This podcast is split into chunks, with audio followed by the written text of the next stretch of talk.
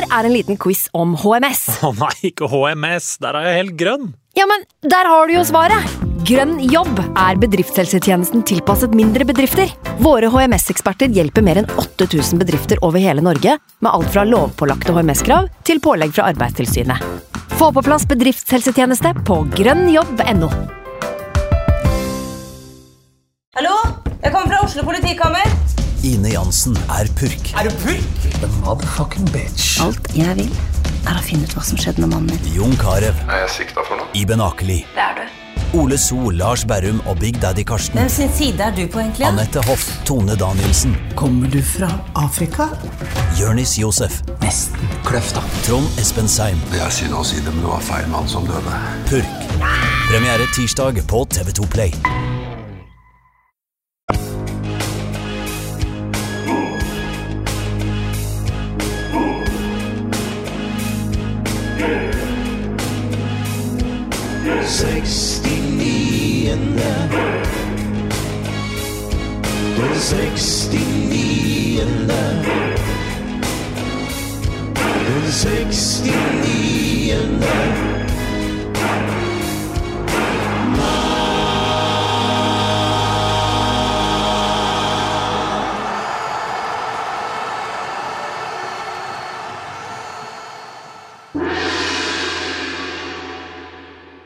Den 69. mann presenterer Påskekrimjim, et mordmysterie i fire deler, del 1. Det var påskeaften, og Krimjim satt i solveggen på hytta si på fjellet og koste seg. Han satt og tenkte på alle agenthonorarene han hadde fått fra Bodø-Glimt. Idet han reiste seg og gikk inn for å lage seg nok en strawberry dackery, ringte telefonen. Kano? tenkte Krim-Jim før han svarte. Ja, det er Krim-Jim. Ja, det er fra, fra, fra politi, Bodø politikammer. Vi ringer bare fordi at du har blitt anmeldt for bruk av ulovlig, men stemningsskapende pyro på Aspmyra. Det må være en feil. Jeg er agent, ikke supporter. Å å- å ja, be beklager det. Da har du noe rent mel i posen. Ikke noe grunn til å gå videre med denne etterforskninga. Krimjim la på og smilte lurt for seg selv, og fortsatte mot kjøkkenet for å lage sin andre daiquiri for dagen. Et også så potensielt innbringende tall for Krimjim. Halvveis ned i glasset ringte telefonen på nytt. Ja, heia, heia, heia, eh, alle veier. Det var fra Bodø politikammer igjen. Eh, Det har skjedd en grufull hendelse på Aspmyra. Og nei, eh, det er ikke pyro. Det har skjedd et drap. Et drap? Sa Krimim, så overrasket at han gulpet Dackery på seg selv før han sa Nei, noe så forferdelig. Hvem er det som har blitt drept? Og enda viktigere, hva har det med meg å gjøre? Det, det er helt eh, grufullt. Eh, det er eh, eh, Kjetil Knutsen som er funnet omkommet i spillertunnelen på Aspmyra.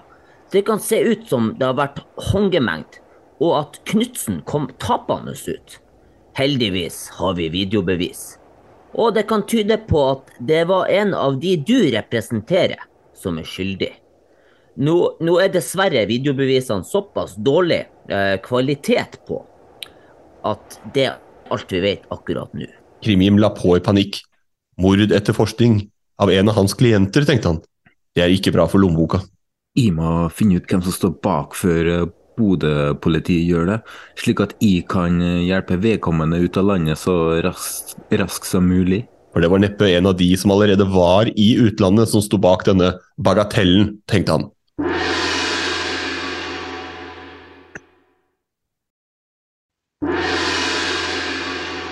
Den 69. mann presenterer Påskekrimjim, et mordmysterie i fire deler. Del to. Krimjim hadde hevet seg i bilen og kjørt mot sitt private helikopter. Politimannen hadde bedt han komme til Bodø for å bistå etterforskningen. Det hadde Krimjim takket ja til, for da ville han få tilgang på informasjon han ikke hadde, og dermed kunne løse mysteriet før politiet. Han sa mottoet sitt høyt til seg selv. Det skader ikke å sitte på begge sider av bordet. Mens han kjørte, fikk Krimjim en uggen følelse. Han gikk inn på adressa fra mobilen for å se om det var noen saker om seg selv der. Han var en sånn type person som er på mobilen mens han kjører. Der fikk han se overskriften 'Ole Sæter ønsker seg bort fra Rosenborg', med et sitat fra Sæter som lød Min beste sjanse for å komme meg utenlands er om Bodø-Glimt blir dårlig, så da er det beste om Knutsen forsvant fra Glimt. På helikopterturen klarte ikke Krimium å slutte å tenke tanken på at hans klient Ole kunne stå bak dette. Senere, vel inne på politiskuret i Bodø, skulle politietterforsker Lars Bohinen, en ekte nordlending, komme med opplysninger som Krimim benektet kjennskap til på alle mulige måter. Siden videobeviset var såpass uklart, måtte vi etterforske litt. Vi tenkte å sette vår eh, beste etterforsker på saken, men dessverre var Pelle politibil på verksted, så vi kom ingen vei. Men under obduksjon fant vi deler av spillerkontrakten i halsen på avdøde som strekker seg fram til 2025 en gang. Mye kan tyde på at han døde av kvelning. Dessuten, herr Krimjim, så står ditt navn på papiret. Hva kan du si om dette? Ingen av mine klienter har kontrakter 2025. Løy han før han fortsatte. Jeg må på do. Hvor er dametoalettet? Jeg liker å sitte når jeg tisser, skjønner du. Krimim hastet inn i en ledig bås og begynte å få panikk. Han visste godt at han hadde flere spillere på en slik kontrakt, hvor flere kunne knyttes til Kjetil Knutsen på et vis. Men hvem? Kunne det f.eks. være Knutsens trenerkollega Eirik Horneland? Kunne han være interessert i jobben som nå sto tom etter Knutsens død?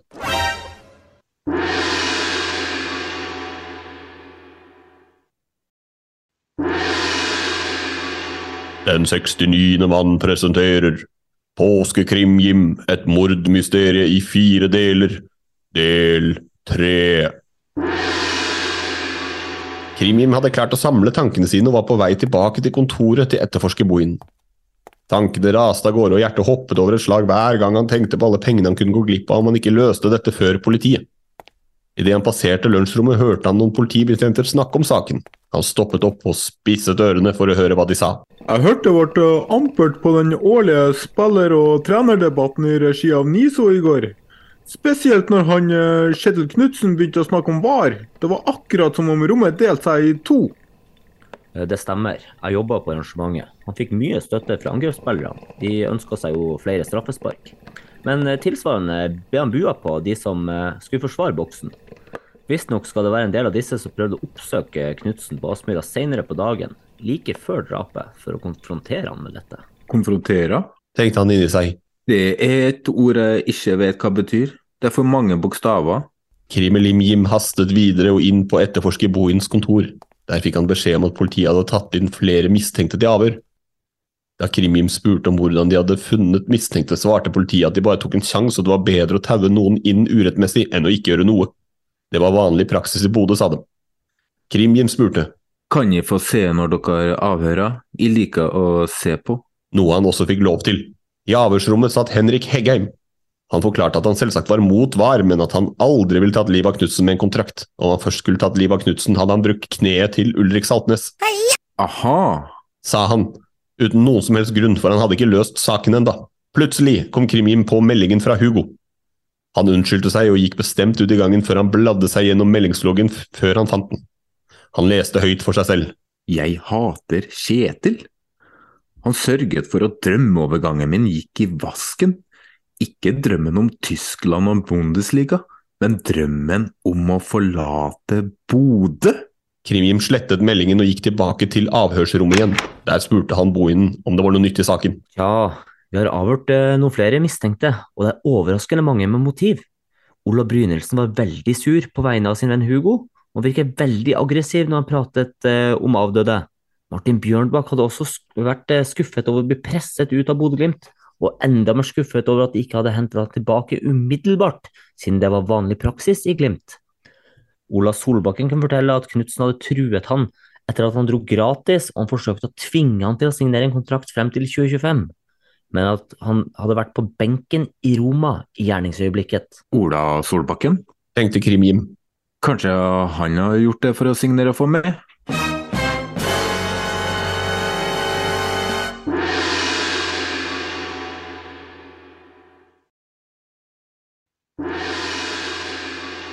Den 69. mann presenterer Påskekrim-Jim, et mordmysterie i fire deler. Del fire. En lang dag gikk mot slutten, eller det vil si, siden man var i Bodø var det ikke mulig å si når på døgnet det var, fordi det hadde vært pissmørkt hele dagen. Men Krim-Jim var sliten, så han følte i hvert fall at det hadde vært en lang dag. Han bestemte seg for å sjekke inn på Bodøs mest fasjonable hotell, Bodø bobilparkering. Ah, det heva midt i blinken for en mann av min klasse. Sa han før han la seg på høymadrassen. Han stirret i taket og grublet på hvem som kunne gjort dette. Hva er det Gjøre oversett? Hva er det som mangler? Sakte gled øynene til krimium igjen, og han kjente på en ro før det plutselig duret i telefonen. Det var en e-post fra Ole Gunnar Solskjærer at hotmail.com med en lydfil som vedlegg med tittelen Hør alene. Han trykket play, eller rettere sagt trykket han først på alt mulig annet fordi de sleipe fingrene slet med å treffe knappen. Ah, skulle ha vært penger. Da hadde fingrene mine visst hvordan de skulle oppføre seg. 69 minutter senere, da han endelig fikk i gang avspillingen, hørte han en samtale mellom Kjetil Knutsen og en fordreid, mørk stemme som diskuterte høylytt. Knutsen hadde sagt at det var uaktuelt å hente han til Glimt. Den fordreide stemmen hadde blitt enda høyere, og skrek at han krevde overgang umiddelbart. Han krevde også at han skulle få samme draktnummer som i dag hos sin eksisterende klubb. Knutsen hadde bare ledd hånlig og svart at både draktnummeret og plassen nå tilhørte Marius. Det siste man hørte, var at Knutsen lo før knitrelyd av papir som krøllet sammen, ble erstattet av gisping og gurgling. Nå veit jeg hvem som har gjort det. Nå veit jeg hvem jeg må få ut av landet og til Russland umiddelbart. Jeg burde egentlig gå til politiet, men det er det ikke penger i, og jeg har ikke moral heller. Vet du hvem som drepte Knutsen? Send ditt svar til Den 69. mann-podkast.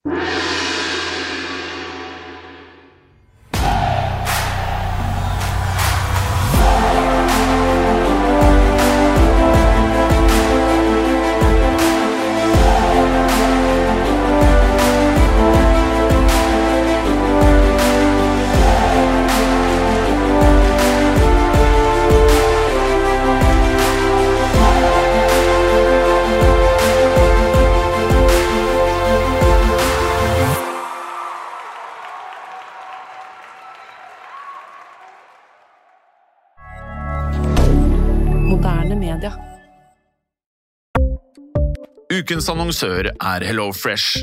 HelloFresh er verdens ledende matkasseleverandør og kan være redningen i en travel hverdag. Mange av oss har nok vandret i butikken både sultne og uten en plan for middagen, som ender med at vi går for de samme kjedelige rettene gang på gang. Middag burde være dagens høydepunkt. Som HelloFresh kan du nå velge mellom 25 ulike retter hver eneste uke, eller få HelloFresh til å sette sammen menyen for deg. Dette gir deg muligheten til å prøve nye og spennende retter alene eller sammen med familien. Du velger antall porsjoner og får alt levert på døren på et tidspunkt som passer for deg. Oppskriftene er enkle, og maten er lett å lage både for store og for små. Ved å få alt levert hjem får du også mer tid til å dele matgleden med familie og venner. Kanskje det frister med asiatiske tacos eller greskinspirert kylling? Da kan jeg anbefale deg om å gå inn på hellofresh.no. Her kan du bruke koden FOTBALL og få opptil 1779 kroner i rabatt på de første fem matkastene hvis du ikke har prøvd HelloFresh tidligere. Du kan også bruke rabatten hvis du har vært kunde og stoppet abonnementet ditt for tolv måneder siden eller lengre. Gå inn på hellofresh.no og bruk koden FOTBALL. Ukens annonsør er Folio, en smartere banktjeneste for deg som har en egen bedrift eller ønsker å starte for deg selv. Folio er en superenkel nettbank for bedrifter. Som kunde i Folio får du en bedriftskonto med et bedriftskort og app. I denne appen er det smarte løsninger som forenkler regnskapet ditt, uansett om du har en liten bedrift eller et enkeltpersonsforetak. Folio er både intuitivt og brukervennlig, og er laget med et enkelt språk. I tillegg tilbyr de forutsigbare priser og ingen skjulte gebyrer. Skulle du likevel trenge det, så kan du snakke med deres raske og hyggelige kundeservice, og der får du prate med en faktisk person og ikke en chatbot. Folio er med andre ord både enklere og koseligere enn banken. Over 10 000 bedrifter har allerede valgt Folio som sin banktjeneste, så besøk folio.no og se hvordan Folio kan forenkle din hverdag også. Har du et enkeltpersonforetak eller en liten bedrift? Da er du sikkert lei av å høre meg snakke om hvor enkelt det er med kvitteringer og bilag i fiken, så vi eh, gir oss her, vi. Fordi vi liker enkelt. Fiken superenkelt regnskap.